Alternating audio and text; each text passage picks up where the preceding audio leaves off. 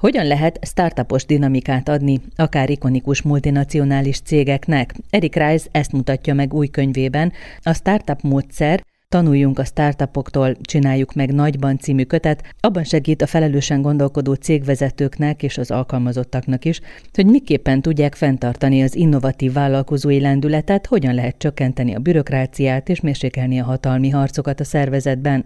Vendégem a stúdióban a könyv szakmai lektora és a magyar nyelvű megjelenés támogatója, a sivaforce.com ZRT alapító vezérigazgatója Kovács Anton.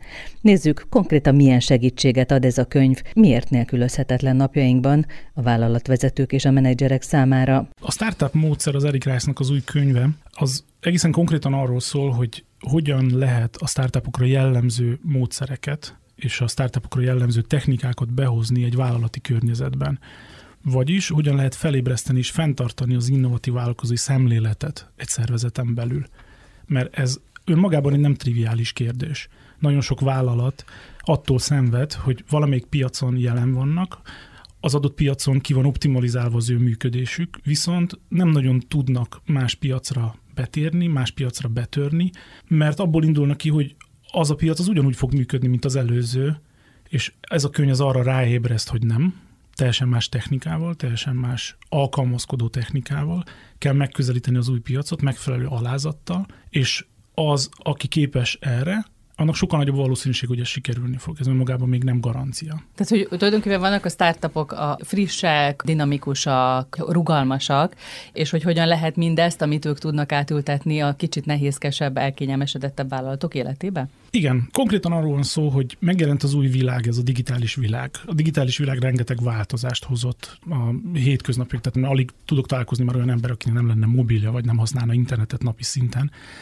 És ennek a korszaknak az elején a startupok voltak azok, kezdő vállalkozások, akik nagyon jól meg tudták lovagolni az adott piacot. És rengeteg olyan nagyvállalattal beszélgetve azt mondta, hogy ó, nem kell nagyon aggódni, mi profitunk az biztonságban van, azzal semmi probléma nem lesz. Másik oldalról pedig azt látom, hogy az a módszer, ahogyan a startupok tudtak megközelíteni ezt az újfajta hullámot, a digitalizációnak a hullámát, a nagyvállalatoknak óriási szüksége van rá hiszen most már a nagyvállalatok is fölteszik maguknak azt a kérdést, hogy oké, okay, oké, okay, hogy nagyon jó el vagyunk azzal a piaccal, ahol most vagyunk, de vajon hogyan fogunk tudni meglovagolni az új hullámot?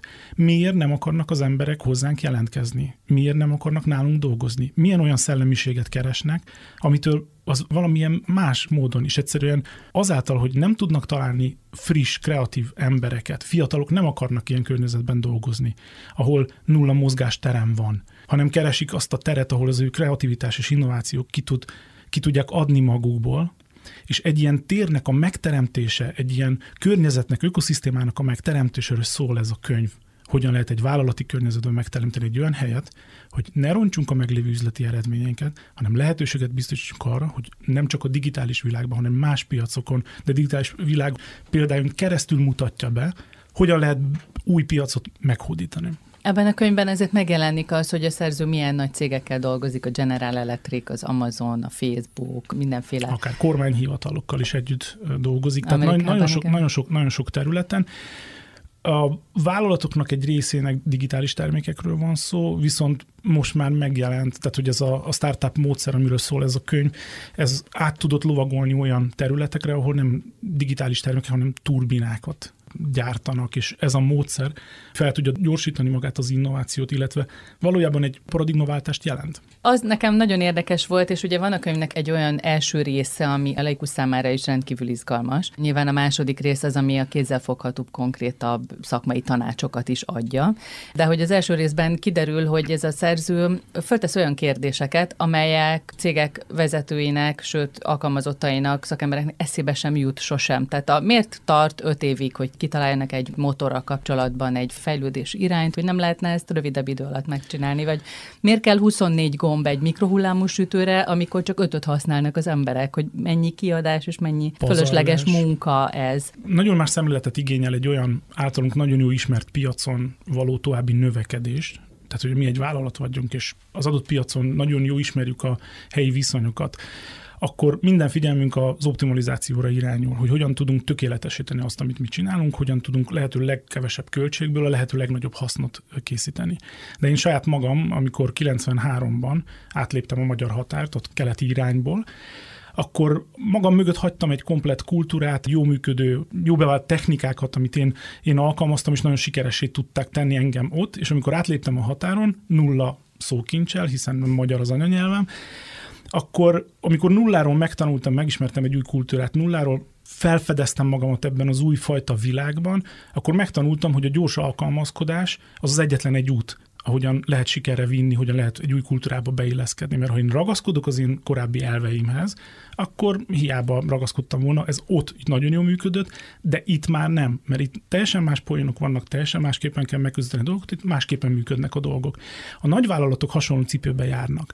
Van mögöttük egy olyan világ, ami nagyon biztonságos volt neki, nagyon jól ismerték, nagyon jól tudtak, hogyan működik, viszont a mai világban olyan sok változás ér minket, olyan sok változás hozza magával a digitalizáció, hogy egyszerűen azok a szakértők nem léteznek, akik az adott területen, mert ez annyira friss a terület, hogy fél éves vagy egy éves, nem léteznek azok a szakértők. Tehát olyan típusú tudás, olyan típusú technikák, amik arra alapultak, hogy az öregek jó elmondják nekünk, hogy hogy kell fiataloknak csinálni, nem tud létezni, mert fél éves, egyéves technológiák, technikák, piacokról beszélünk. Az egyetlen egy mód erre a folyamatos alkalmazkodás és a folyamatos tanulás. Önmagában a folyamatos alkalmazkodás és tanulás tartalmaz magában a hibázásnak a lehetőségét. A hibázás lehetősége a hagyományos vállalati kultúrában kizár dolog, mert inkompetenciára utal és büntetik. Tehát ott nem szabad hibázni. Viszont új területen nem tudok nem hibázni, mert próbálgatom, kóstolgatom, és senki nem ért hozzá. Hogyan tudunk, és ez az, amit nagyon frappánsan megfogja a könyv, hogyan tudok a két világot úgy összehozni, hogy a célaim, az üzleti céljaimban ne hibázzak és hozzam az eredményeket, de mégis megengedjem a kollégáknak, hogy működésben tudjanak hibázni, megtapasztalni az újfajta és kitanulni az újfajta működés. És ezt az egyensúlyt nagyon zseniálisan be tudja állítani a könyv, hogy megmaradjon, eredményorientált maradjon, de mégis szabadítsa föl azt a kreativitást, ami minden kollégákban ott van. Mert van egy olyan tévhit, hogy ki kell cserélni az embereimet, mert nem jók, mert, mert mi csak új, valami kreatív dolgok csak úgy fogunk tudni kitalálni. Ez nem igaz. Mindenkiben benne van a kreatív. Mindenki nagyon jól tudja, ha lehetőséget adnak neki, és célként megfogalmazzak, hogy ő újítson és innováljon. Ez mindenkiben benne van. Az a kérdés, hogy ezt hogy kell felszínre hozni. Mm.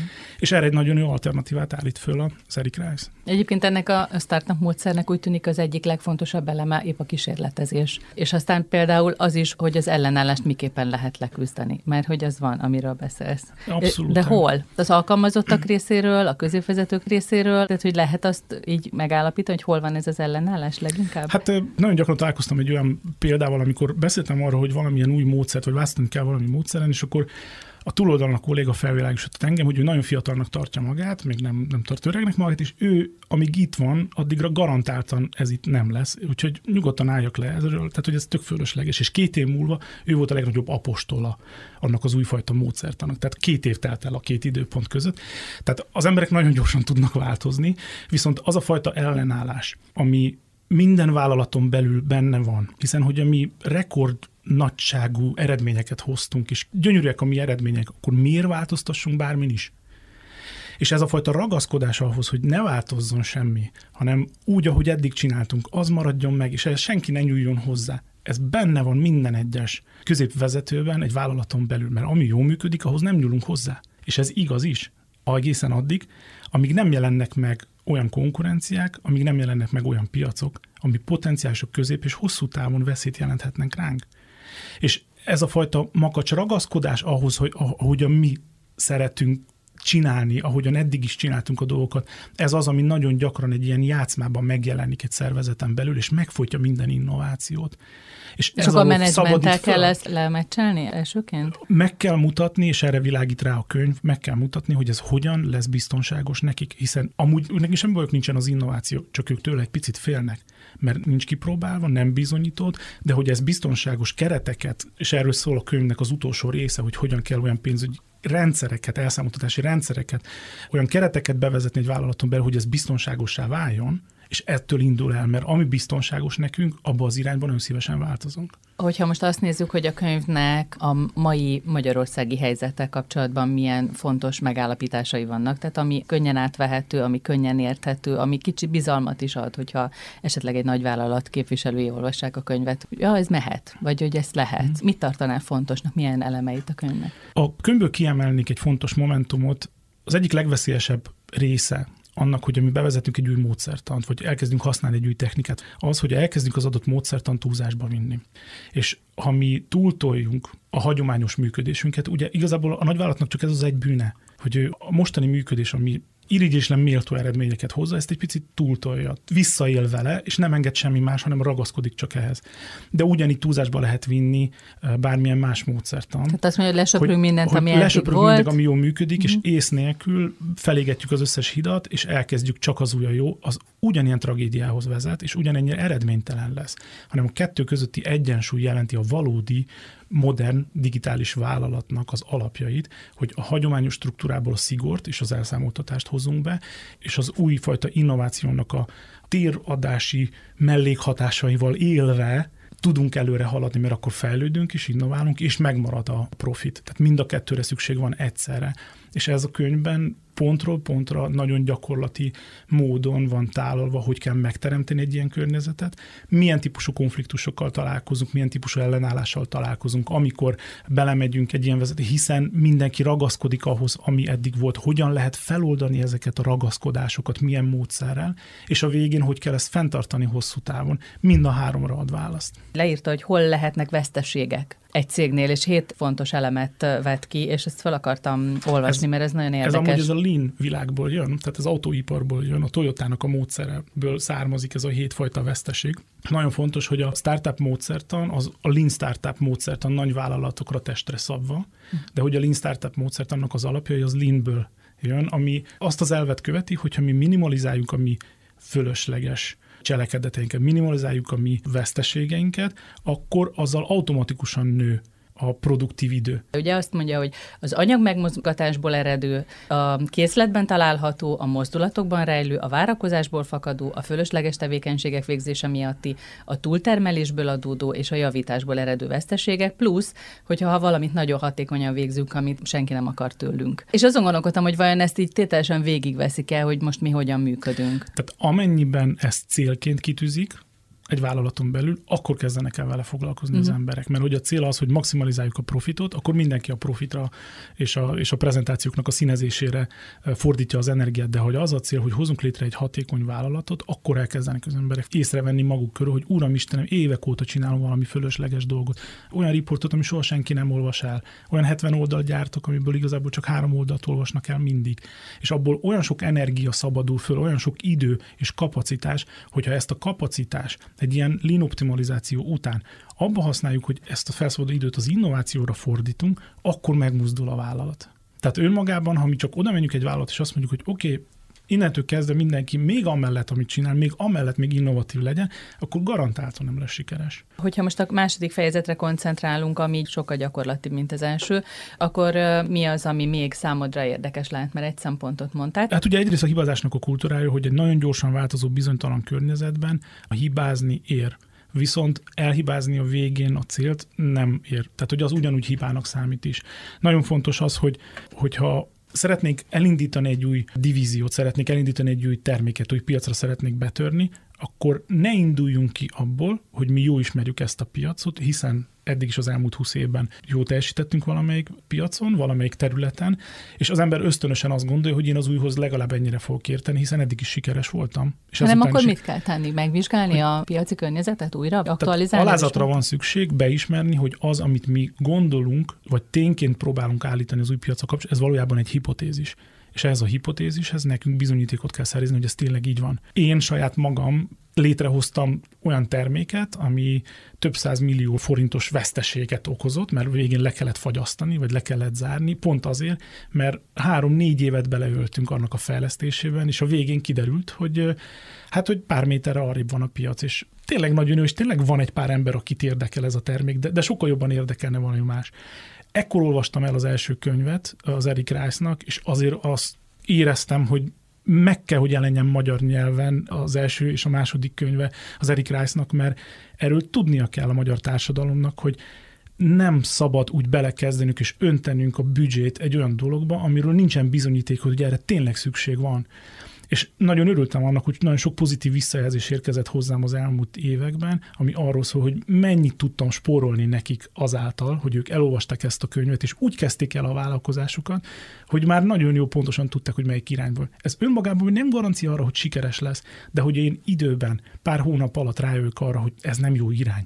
Mennyit tudok sporolni rajta, hogyha nem három éven keresztül teszem, és ez óriási megtakarítást jelent valójában. És azt gondolom, hogy ez sikerült ezzel a könyvvel átadni, és ez a startup módszer az a vállalati környezetben ugyanennek a szemléletnek az átültetéséről szól. Azt elmondod, hogy mivel foglalkozott? Hát igazából a, a Shiva Force nak a küldetése az, hogy nagyon gyakorlati módszertanokat és eszközöket biztosítson a magyar piacnak, ahhoz, hogy a felgyorsuló digitális világban tudjanak boldogulni. Ügyfeleink a legnagyobb pénzügyi és telekom szolgáltatók Magyarországon, és KKV-k is, hiszen az a probléma, hogy gyorsan kell alkalmazkodnunk, amit agilitásnak hívek manapság. Mi ennek az úttörő lettünk Magyarországon, és ezt a szemléletet ültetjük át gyakorlatban. Manapság egy módszert annak az ismerete kevés, mert nagyon tudatosan kell tudnunk választani az eszközök között, és több eszközt kell tudnunk használni, ilyen például a Lean Startup módszertan, amiről szól ez a könyv, ilyen például az agilitás, ilyen például a Lean. Mind a háromra szükség van ahhoz, hogy egy modern digitális vállalat minden helyzetben hely tudjon állni. A Lean Startupot akkor kell használni, amikor nem tudjuk pontosan, hogy mi a probléma, vagy maga a probléma nem bizonyított. Az agilitás akkor kell használni, amikor már tudjuk, hogy mi a probléma, de nem tudjuk, hogy mi a módszer. Vagy nagyon sokféle megoldás létezik hozzá, mert itt ilyen tipikus az informatika, hogy hát így is meg lehet oldani, úgy is, úgy is, vajon nekünk melyik jó. Na, akkor jobb az agilitás. Viszont, hogyha már tudjuk, hogy mi a probléma, és tudjuk konkrétan, hogy mi a megoldás rá, akkor ott már agilitásnak sincs helye. Ott linnel folyamatosan optimalizálni kell, és tökéletesíteni, és növelni a profitot. Mind a háromra szükség van. És azok a szélsőséges hangok, akik azt mondják, hogy csak a Lean startup lehet boldogulni, csak a Lean-nel, csak a hagyományos projektmenedzsmenttel, csak az agilitással lehet Szerintem tévesek. Mindegyikre szükség van. Bármelyiket letagadni értelmetlenség, mert mindegyiknek megvan a helye. Egy modern vezetőnek meg kell tanulni, hogy milyen esetben, milyen divíziónál, milyen projektnél melyiket kell használni. Mi ezt a gyakorlati tudást szeretnénk átadni, és ezt biztosítunk eszközöket, hogy ez könnyedén meg tudja lépni. A startupokkal kapcsolatban vannak-e olyan információk, amik ugyanígy megjegyzendők, mint mondjuk a nagyvállalatok számára? Mert hogy ez annyira komplex, és annyira összefoglalja egyébként azt is, hogy mondjuk hol vannak a buktatók a startupok életében, hogy hol lesz már egy idő után veszteséges. Megy, megy, megy, aztán egyszer csak kifut. El kell engedni. Hát a, a startupok világából nagyon sok hasznos dolog született, tehát például egy olyan elmélet, hogy, hogy én ki tudjam próbálni az adott terméket az új piacon, ahhoz nekem magát a terméket nem kell legyártanom. Bőven lennék megcsinálni egy kirakatot egy kartonból, lerajzolni papíron, A4-es papíron, tehát ilyen tíz évvel ezelőtt nem nagyon létezett, senki nem gondolta, hogy ezt így is lehet. Jelentős költségmegtakarítással, vagy gyakorlatilag azt mondom mondani, hogy majdnem nulla forintból lehet kipróbálni az adott piacon, és még mielőtt elindulna a fejlesztés, már meggyőződni arról, hogy ez a termék valóban jó lesz, tehát beszerezni hozzá a bizonyítékot. Ez egy teljesen új megközelítés, ami a startupok hoztak be a modern vállalatok életében, és ugyanúgy visszafordítva is, tehát az a fajta pénzügyi fegyelem, ami jellemzi a nagy vállalatok, és az a fajta profitorientáltság, ami jellemzi őket, és ezzel kapcsolatos szigor, ebből viszont a startupoknak kell tanulni, mert náluk költségkeret az ilyen nagyon tágfogalom, és azok a startupperek, akik sokkal pontosabban és precízebben tartják be ezeket, azok sokkal gyorsabban tudnak eredmény hozni, és így sokkal kisebb a valószínűségük arra, hogy, hogy meghalnak ütközben. Kovács Antonnal, a sivaforce.com ZRT vezérigazgatójával beszélgettünk. Erik Rice a Startup módszer Tanuljunk a startupoktól, csináljuk meg nagyban című könyvéről, ami a HVG könyvek kiadó gondozásában jelent meg.